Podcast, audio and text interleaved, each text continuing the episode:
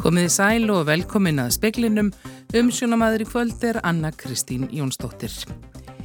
Ef að færa þarf landsbítalina af óvissustíi yfir að hættustík verður að draga úr starfsemi og valkvæðum aðgerðum en tilkynnt var í dag um fjölgun rímólandakoti til að létta undir með spítalanum.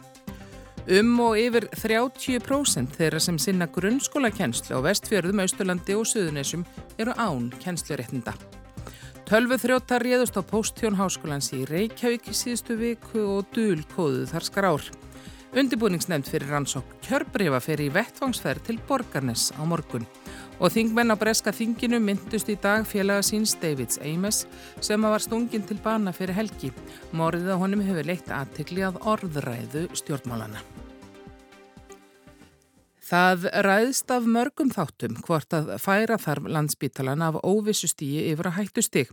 Þetta kemur fram í minnisblæði til helbreyðisræðnitsins. Verði spítalin færður og hættu stig verður dreygiður starfsemi og sótvarnalæknir óttast að ef öllum takmörkunum verði aflétt fjölgi smittum líkt og gerðist í sömar. Minnisblæðalandsbítilans er dagsett á förstudag og þá lágu fjóru COVID-sjúklingar þar inni. Sankvæmt upplýsingum á vefnum covid.is líka sjöin á sjúkrósi núna. Rífla 500 manns eru með sjúkdómin og eru 200 þeirra börn. Þau veikjast í flestum tilvikum lítið. Þá kemur fram í minnisblæði landsbítala að á COVID-göngu delsi nú verið að draga úr þjónustu við börn og starfsfólk innbytti sér að fullordum. Það sem mestu ráðum þolmörk spítalans sé mönnun og frambóð á legurímum. Þá myndi slæmur influensufaraldur valda álægi á allt spítalakerfið. En svo staðan sé þessa dagana býði 20-40 manns á bráðamóttöku við ófullnæginda aðstæður eftir því að leggjast inn á deildir spítalans. Þá er allar bráða legodeildir nýttar til fulls og afa lítið svigrum fyrir auka álag. Í minnisblæðinu er því líst hvernig hugsanlega væri hægt að leggja fleiri COVID-sjúklinga á spítalan. Það væri hægt með því að losa pláss og smitt sjúkdóma á lúnadeildum. Stundum er und að flytja sjúklinga annað en oft ekki. Þetta er meðal þess sem haft er til hliðsjóna þegar viðbúnaðasteg spítalans eru endurskoðuð. Nún er hann á óvissustígi. Ef spítalin verður færður á hættustig verður dreyjur annari starfsemi. Þórólu Guðnarsson sóttratnalækni stilt upp þremur kostum í minnisblæði til helbreyðisráð þeirra. Eitt þeirra er að aflétta öllum sóttratnan aðgerðum. Ég held að ókostinni við það séu þeir að við gætum lendið sama og lendum í sumar, það sem við afléttum öllu og, og það þá spurningin er, er kerfið okkar og, og spítalakerfið tilbúið að taka við því. Það er svona helsta áhyggjaefni mitt. Sagði Þórólfur Guðnarsson, Kristín Sigurðardóttir talaði við hann. Heilbreyðisráðuniti tilkynnti síðdeis að til að létta álægi af landsbítalanum verði opnuð ný endurhæfingardeild fyrir 16 landa, á landakoti í november og í byrjum februar verði rýmum fjölgaðum 14 til viðbótar. Þá á síðar í oktober opna nýju líknarrými á landakoti, þetta gert til viðbótar fjölgun sjúkarrýma á Suðurlandi og Suðunesjum í sumar. Hlutfall réttinda lausra sem vinna við kennslu í grunnskólum landsins var 16% á síðast ári en mjög misjamt eftir landslutum. Það er lægst á Norðurlandi eistra og vestra eða 9% en hæst á vestfjörðum, Suðunesjum og Östurlandi þar sem það er um og yfir 30%. Nærri 5.600 mann starfa við grunnskólakenslu. Þorgerður Lauvei Dýriksdóttir, formaður félags grunnskólakennara, segir að ímsar ástæður séu fyrir kennaraskorti. Starfskjör, álægistarfi, auknar kröfur vegna skóla og aðgreiningar, fjöldi nefnda á kennara og fleira. Tölur hafa líka sínta að við erum með nægilega marga mentaði kennara á Íslandi. Það þarf eins og það að fá það einmitt til þess að koma inn í starfið og spurningin er hvort að þetta lokaða form sem hefur verið svolítið um grunnskólan, það sem að þú ferð bara reynilega um borð 20. ágúst og svo sér það ekkert í land fyrir að þú kemur í land að vori, að hvort að það sé nútímalegt. Það má kannski draga fram að það er mikið kallað eftir sveianleika í starfi og það er ekki eðlilegt að það sé sami nefndastöðul á baku hver stöðugildi kennara í dag eins og 1998 sagði Þorgerður Lauveitið Riksdóttir formaður félags grunnskólakennara og nánar verður rætt við hana síðar í speklinu. Tölvuþrjótar réðust á postþjón háskólans í Reykjavík síðustu viku og dúl kóðuðu skrár. Talið er hugsanlegt að þeir hefði komist inn í tölvupost einhverja starfsmanna. Árásar mennir hótað byrta tölvuposta og krefjast 1,3 miljónar króna í lausnargjald. Starfsmenn í upplýsingatækni innan háskólans hafa unnið að því um helgina að koma í veg fyrir tjónavöldum árásarinnar og meta umfangið. Ragnhildur Helgadóttir, rektor háskólans í Reykjavík, segir engin merki séum að tölvuþrjótarnir hafi komist lengar en inn í einn postjón og þeim verist ekki að tekist að afrita mikið af gögnum. En auðvitað er þetta ónátarlegt. Við eins vegar erum að háskóli og teljum okkur ekki hafa þurfa að hafa áhyggjur af þessu öðru leit en því að þetta, það er auðvitað, ég minna viðkvæmur upplýsingar um einstaklinga eins og starfið felur í sér í þessum postum hins vegar er eins og við höfum sagt það er talið ólíklegt að það verði nokkuð af hóttum hann. Okkur finnst skipta máli bara að setja hlutin á borðið. Þannig verður að reyna að kú okkur með þessum hluti og við erum ekki að spila með í því. Hvort sem það svo, reynist svo verið að gafna eða ekki sko. Saði Ragnhildur Helgadóttir rektor. Maður sem varð fimmans að bana í bænum Kongsberg í Noregi í síðustu viku banaði fólkinu með eggvopni en ekki boga og örfum eins og áður var talið. Lögreglan greindi frá þess á fundi með frettamönnum í dag. Áður hafði verið greint frá því að maðurinn hefði verið með tvö vopn á sér, auk boga og örfa en ekkert minnst á eggvopn. En er verið að yfirheyra vittni, það er búið að ræða við 140 manns og yfirheyra 60 formlega. Maðurinn er í gæsluvarhaldi og sættir geður hann sóknað kröfu á kjörvaldsins. Undirbúningsnæmt fyrir rannsókn kjörbrefa hittist í morgun og fóru við gögn frá lögröklunni á Vesturlandi, gögn sem nefndin fjekk fyrir helgi.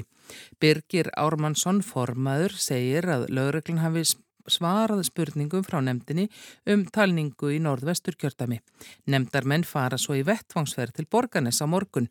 Sangkvæmt upplýsingum fréttastofu fjekk nefndin brotur myndbandsupptökum frá hótelun í borganesi með lýsingu á því sem þar fer fram á samt tímasetningum.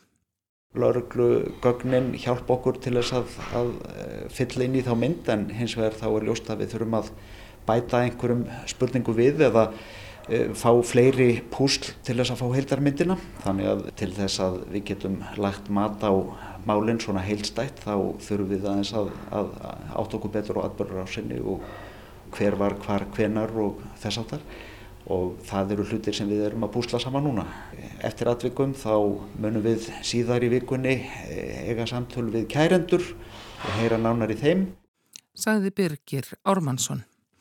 Lágreglan á höfuborgarsæðinu verður handtekið mann sem grunnaður um að hafa reynd apotek vopnaði dúkanhífi í Vallakóri Kópói í dag. Maðurinn var handtekinn á fymta tímanum en hans hafi verið leitað í nokkra klukkutíma.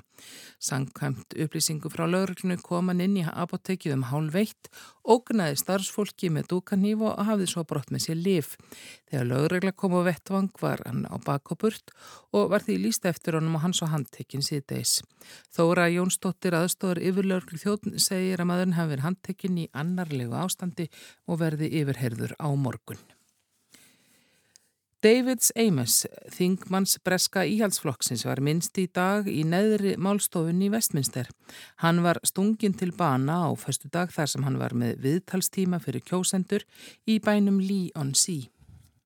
Amos hafði setið á þingi frá árinu 1983. Hann var sannlega ekki einn af þekktari þingmannum íhaldsflokksins en ef marka mátti umsagnir þingmanna í dag var hann einstaklega vel liðinn. Hann særiðist lífsættulega þegar hálf þrítúur maður stakkan mörgum stungum á föstudag og var látin þegar komið var meðan á sjúkrahús. Nokkrir þingmenn nefndu í dag að hætta virtist stæðjað fólki í þeirra stöðu. Chris Bryant, þingmaður verkamannaflokksins, greindi þingheimi frá því að honum hefðu borist líflátshótun á laugardag. Dominik Raab, fyrirverandi utanríkis ráð þeirra, sagði að honum hefðu borist þrjár hótanir um líflát og limlastingar síðustu tvö ár, þar á meðal að síru yrði skvett í andlit hans. David Amos satt á þingi fyrir kjördæmið Southend West. Hann hafiði lengi þrýst áum að borg hans eh, Southend fengi sæmdarheitið City. Hún varðað ósk sinni í dag þegar Boris Johnson forsætisar á þeirra tilkynnti að breyta drottning hefði fallist á beðnina. I am happy to announce that Her Majesty has agreed that Southend will be accorded the city status it so clearly deserves. Semdarheitið City geta þeir þjætt bílistaðir í Breitlandi fengið þar sem íbúarnir eru fleiri en 300.000, stjórnkerfið er til fyrirmyndar og stórborgarbragur ríkir. Ásgeir Tómasson saði frá. Almannavarnastig vegna eldgoss í geldingadölum hefur verið lækkað úr hættustígi í óvissustig. Í tilkynningu frá almannavörnum segir að enn sé fylst með svæðinu til með tilliti til aukinar skjáltavirkni, óróa og landbreytinga. Undarfarnar fjórar vikur hefur engin virkni verið sjáanlegi gignum í geldingadölum og skjáltavirkni sunnan keili sem jógst í byrjum ánaður hefur leiði neyðri undarfarnar daga. Fólki er áfram ráðið frá því að ganga á hraunbreyðunni eða nálgast gíin því áfram á vænta hættu á svæðinu. Það er kennaraskortur í grunnskólum landsins og þetta sína tölur hagstofunar. Hlutfall ófaglærðra sem stundakennslu er allt frá 9 til 36% og mismikið eftir landslutum. Ástæðunar eru markþættar eins og kemur fram í viðtali speilsins við Þorgerði Laufey og Didriksdóttur formann félags grunnskólakennara. Já, nú kannski ímynda margir sér og þekkja þennan söng. Já, ég komið að því að kennarar enn ennu sinni fara að ræðum það hversu erfitt er að starfa á vettvangi. En hins vegar sína tölur þetta, þetta er bara svart og hvít tölur um að það er raunverulegur kennaraskortur og leiðbennundum hefur fjölkað og þeir eru sérstaklega ábyrjandi á ákveðnum stöðum á landinu. Þannig að þetta er svona mistreift millir landsluta hversu margi leiðbennundur eru að störfum sem kennarar. En kennaraskorturinn er ekki bara að lýsa sér í þessu, heldur líka það að skólan aðgreiningar krefstu þetta mikillar fagþekkingar á vettvangi og töluna sína að það hefur ekki fjölgað raunulega stöðugildum kennara í grunnskólanum þrátt fyrir fjölbreytan nefndahóp sem við erum að takast á við dag hvern. Þannig er skóli án aðgreiningar, er honum haldið uppi af ófaglærdu starfsfólki? Það er svolítið erfitt að nota þetta orð vegna þess að auðvitað er þetta fólk allt með sína fagmennsku þegar koma þarna inn en þetta er mikið til ungt fólk sem kemur inn í skólana til aðstóðar og vel meinandi fólk og gerir sitt besta en þetta er ekki fólk sem helgar sig þessum starfsvettvangi heldur er að koma inn eitt ár, hálft ár og er þess vegna svona hluti af skólaflórinni en þessi fagmennska næst ekki með fólki sem kemur og fer, þetta þarf stöðuleika. Þú talar um þetta að vera mísjöld eftir landslutum. Hvert er hlutfallið það sem að það er best og verst? Best er það til dæmis Norðurlandi eistra. Þar er greinilega lítið um leiðbennundur. Það er að segja að lausar stöður eru ekki margar þar. En á sama hátt vantar auðvitað samt sem hafa kennara inn í hópin. Það er að segja vegna þess að verkefnið eru orðið flókið. En á öðrum stöðum eins og til dæmis bara á Suðunisjum og Vestfjörðum og Östurlandi þar er ískikilega hátt hlutfall leiðbynanda og þá erum við átt okkur því að sko leiðbynendur eru fólk sem er við kennslu og þeim eru núlega falið sama ábyrg og fagmentuðum kennara. Þannig að þetta fólk er að standa sína plikt svo sannarlega en það hefur ekki verkfærin sem að kennari sem að er með kennsluréttindi hefur og þarf þess vegna að læra það á vettvangi.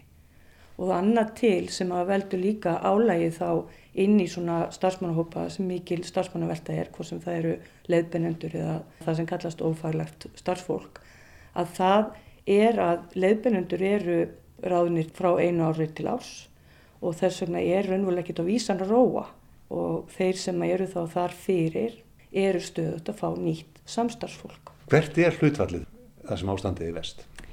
Við sjáum samkvæm tölum hagstofunar í fyrra að það er allt upp í 36% af starfsfólkið við kennslu sem er þá með aðra mentun heldur en kennarmentun og það er hátt, það er svakalega hátt. En hver er ástæðan fyrir kennaraskorti?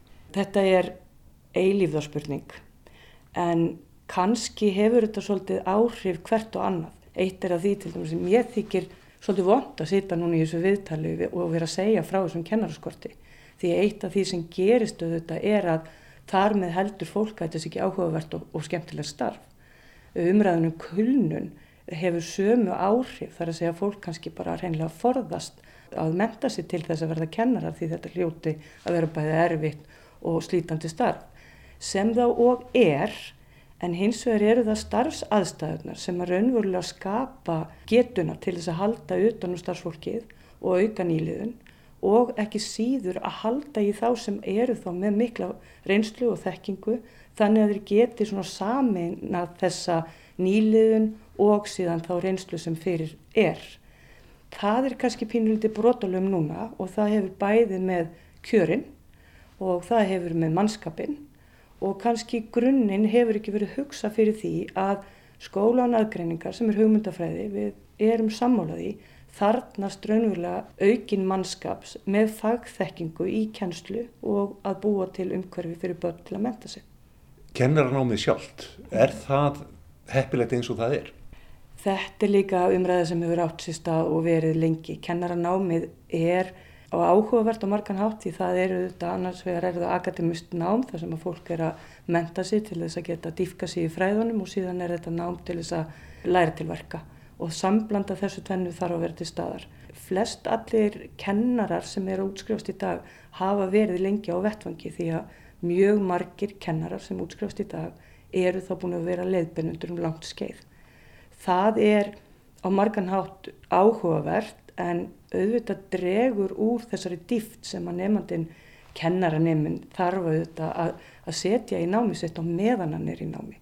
Hvort að kennaranámi sé nú gott Ég held bara að skóli, grunnskóli sem að krefst þess raunverulega að við tökum á öllum mannlegum þáttum, hann verður aldrei nógu góður af því við gerum svo mikla kröfur. En við erum, ég held að allir séu að vanda sig að reyna nesta kennaranema eins vel og mögulegt er. Tölur hafa líka sínta að við erum með nægilega marga mentaði kennara á Íslandi. Það þarf eins vegar að fá það einmitt til þess að koma inn í starfið og spurningin er hvort að þetta lokaða form sem hefur verið svolítið um grunnskólan þar sem að þú ferð bara reynilega um borð 20. ágúst og svo sér það ekkert í land fyrir að þú kemur í land að vori að hvort að það sé nútímalegt. Það má kannski draga fram að það er mikið kallað eftir sveianleika í starfi og það er ekki eðlilegt að það sé sami nefndastöðul á baku hver stöðugildi kennara í dag eins og 1998. Skólinn er breyttur, verkefnin eru fjölbreyttari og ábyrðin gríðarleg. Saði Þorgerður Lauveit Yðriksdóttir Kristján Sigur Jónsson talaði við hana.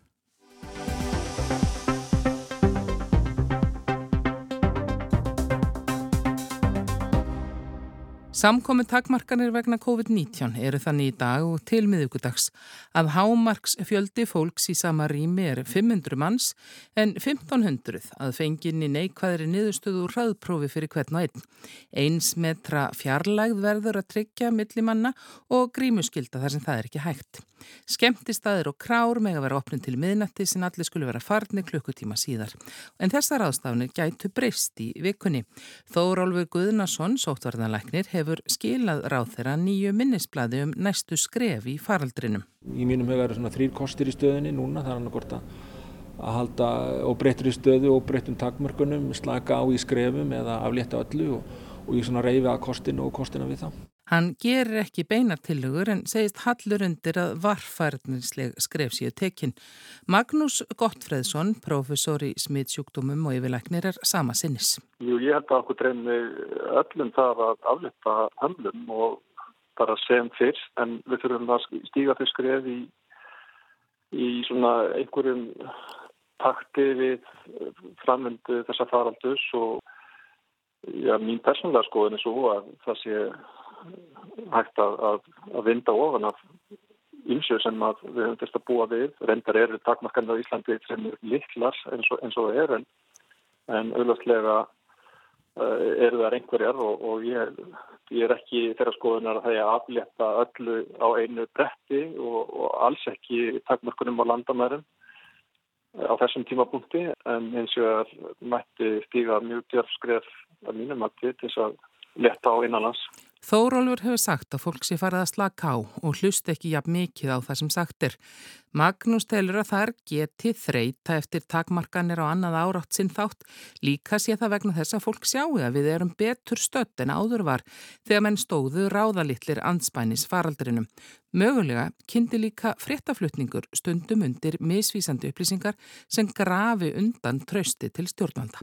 Að svona almennt að þá þetta hefur okkur bara gengið mjög vel því að tröst uh, á uh, þeim ráðleggingu sem að gefna það að verið hefur verið mjög mikið. Það sem við skerum okkur svolítið úr er með þetta í samanbröðu Norrlöndin að við höfum verið að grýpa til harðari rástafana en það helgast af því að við löndum í ansi útbreyttismiti hérna í kjölfar þess að öllu var aflegt í, í sumar og og það bara einfallega tekur tíma að vinda ofan af því og, og okkar spítalekerfi er það lítið eins og marg oft hefur komið fram að, að við höfum ekki sömu sama borð fyrir báru eins og, og æskilit væri. Við höfum heyrt af kóronu veru afbreyðum, alfa, beta, gamma, delta, en hvað er hægt að segja fyrir um hvernig veiran þróast? Í raun og veru er það nánast ógjörningur Við vitum að hún mun halda áfram að stökkveitast. Við vitum að uh, meðan uh, þáttaka er lítil eða engin uh, í bólusetningum í heiminum, allavega stórum svæðum og heilu álverðnar sem ekki hafa fengið bólusetningar, þá hefur hún fritt spil til að mynda ný afbreyði og, og það er held ég hægt að gefa sig það að, að þau munu koma fram spurningin er bara hvort að þau verði jafn skæð og þessum við höfum fylgt að kljást við hinga til og um það er bara eiginlega ókjörningur að spá. Það er nokkuð sem að reynslan verður að leiði ljós og það er einmitt þess vegna sem að allt þetta vöktunastarf er svo gríðarlega mikilvægt og það er raun og ekki fyrir að reynslan af nýjum aðbröðum fyrir að koma fram sem að við getum sagt með vissu hvort að við séu skæðari heldur en forverðar þeirra. Magnús telur enn nokkuð í landin vonandi rætist spár þeirra sem telja að síkingar máttur kórnveirunar dvíni smán saman. Þessi veira muniði mitt enda sem eina þessum eh, endunafæra veirum sem eh, við þurfum að kljást við og gera ráð fyrir eh, í okkar greiningum og okkar viðbröðum og en að samaskapi með þáttöku í bólusetningum og, og, og mótarnasvari sem að sem að kannski tekur svona brottin úr síkingamætti verunar að þá uh, verði veikindin minna alvarleg og, og spítala innlögnum fækki. Hún er komin til að vera og er núna bara orðin hluti af þessu landslægi að ég tel. Við það munum þá þessi toppar minka og þetta mun svona jafnast út og verður bara ennitt viðbótarlægið í þessari fjölbreytilegu flóru. En þá einn báran nýgur rýs mögulega önnur. Í söðurhluta Rúslands greindist í fyrra nýtt afbreyða fugglaflensu, H5N8 á risavöksnu hansnabúi. Næri miljón fugglum var lóað og 150 starfsmenn voru skimaðir. Og það reyndust held ég sjö hafa vext sem að eiginlega engan hefði grunað. Þetta eru fyrstu tilfellin með þessari nýju fugglaflensu. Enginum frekar lítil og, og væg en, en samt kemur þetta svona aðeins aftan að manni að já, hún gaf stokkið allavega nú fugglum og í þetta fólk sem að var að vinna auðvitað vel að merkja mjög nálagt þessum dýrum en, en svona minnir mann á það að maður má ekki held ég einblýna kannski of mikið á eitt skortmark og hugsa engum um það meðan mjög svo, mjög svo margt annað í okkar kerfi er óbreytt eins og þessi, sko, þessar hættur sem að fylgja þessum versmiðbúskap og, og áframferðalögin og svo framveist þá þá er þetta bara tímaspusmál hvenna næsta vandamál kemur upp. Saði Magnús Gottfreðsson.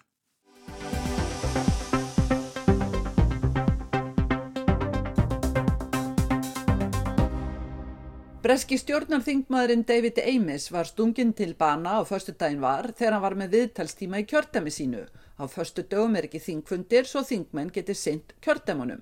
Eftir lát Ames fjallum örk falleg orðumann og kannski þau hlýlegustu og innilegustu frá ýmsum þingmönnum annara flokka.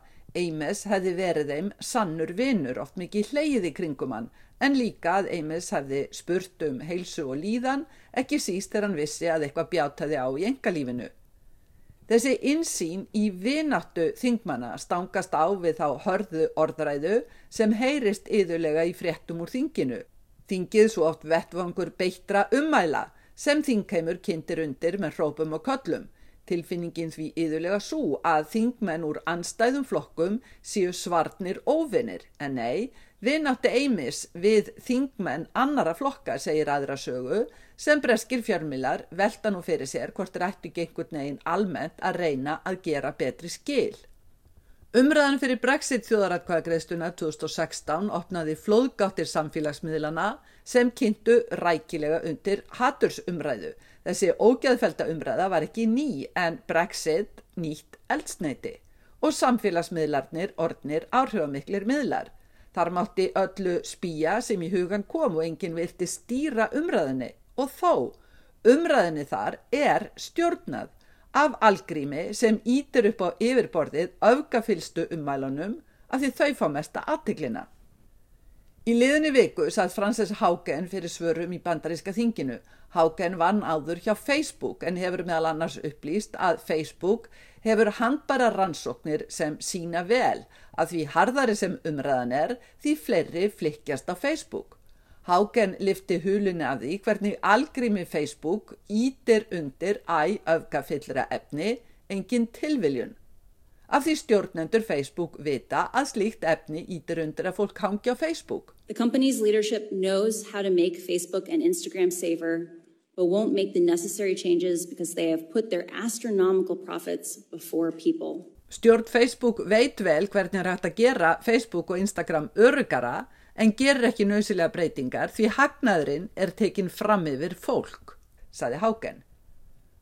Flokksbróðir Eimes, Andrew Mitchell, þingmaður og fyrrum ráðherra, saði viðtalum helgina að stjórnmála umræðan hefði breyst gríðarlega á undanförnum árum. I think the advent of social media where people say things which they would never say if they were face to face has coarsened uh, politics. Mm. Tilkoma samfélagsmiðlana þar sem fólk segði hluti sem því ditt aldrei í huga segja augliti til auglitis hefði gert stjórnmálinn grófari, saði Mitchell.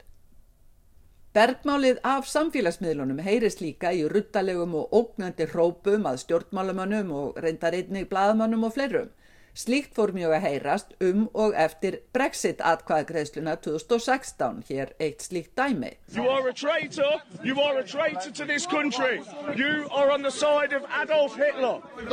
Þetta að æpandi múur bryggsli fólki um föðurlandsvik og að það sé að taka afstöðu með einræðisherranum Adolf Hitler. Had I known the level of abuse, intimidation and threats to which I would be subject, the fact that I would have to go to court and that two men would be found guilty of threatening me, then I wouldn't have gone into politics. Hef ég vita þvílikt og annað eins af ókvæðisorðum, ógnun og hótunum ég fengi og ég þurfti að fara í mál við tvo menn, hef ég ekki farið út í stjórnmál, sæði Joanna Cherry, þinkona skoska þjóðaflokksins um helgina. Cherry er ekki eini þingmaðurinn sem hefur þurft að fara fyrir dóm til að fá nálgunarbanna fólk sem virtist beinlínis hættulegt. Morðið og Eimes er talið hriðjuverk en morðingin ekki álitin tengdur hriðjuverkasamtökum verðist vera svo kallaður Svetnumbergis öfgamaður eitt lungum stundum einnað innbyrða öfgaefni á netinu. Að mörguleiti mun erfiðar að hafa eftirlit með slíkum innförum en skipulögðum hriðjuverkasamtökum. En þeir sem hrella og hræða þingmenn eru sjálfnast hriðjuverkamenn. It's my personal judgment. Think I am more at risk from uh, those who are either misguided or mentally unwell than I am from a concerted, organised terrorist attack. Dominik Raab, dómsmálaráður að segist telja að sést að við meira hætta fólki með ránghugmyndir eða sem er ekki heilt á geði fremur en skipulögðum hriðjuverkum, sama sem með aðra þingmenn. Það er mikið rætt hvernig eigi að vernda þingmenn þó engin einföld eða augljós lausn í sjónmáli en að annar breski þingmaðurinn á fimm árum hafi nú látið lífið við að sinna starfi sínu er vissulega skekjandi. Sigrun Davísdóttir sæði frá. Veðurhorfur það verður austanátt víð á bylnu 8 til 15 metrar og ryggning en talsverð úrkoma austanlands. Hitti á bylnu 3 til 11 stig og hlýjast verður siðst. Norðaustan 18 til 23 á vestfjörðu með ryggningu eða slittu og hitta á bylnu 1 til 4 stig. Það bætir víða í vindi kvöld og nótt. Norðaustan 15 til 23 á morgun, ryggning eða slitta á norður og austurlandi, jél þar setnibartin. Yfirleitt þurft veður sunnan heiða og fer kólnandi. En fleira er ekki í speklinum í kvöld. Tæknum aðri útsendingu var Magnús Þorstedt Magnússon veriði sæl.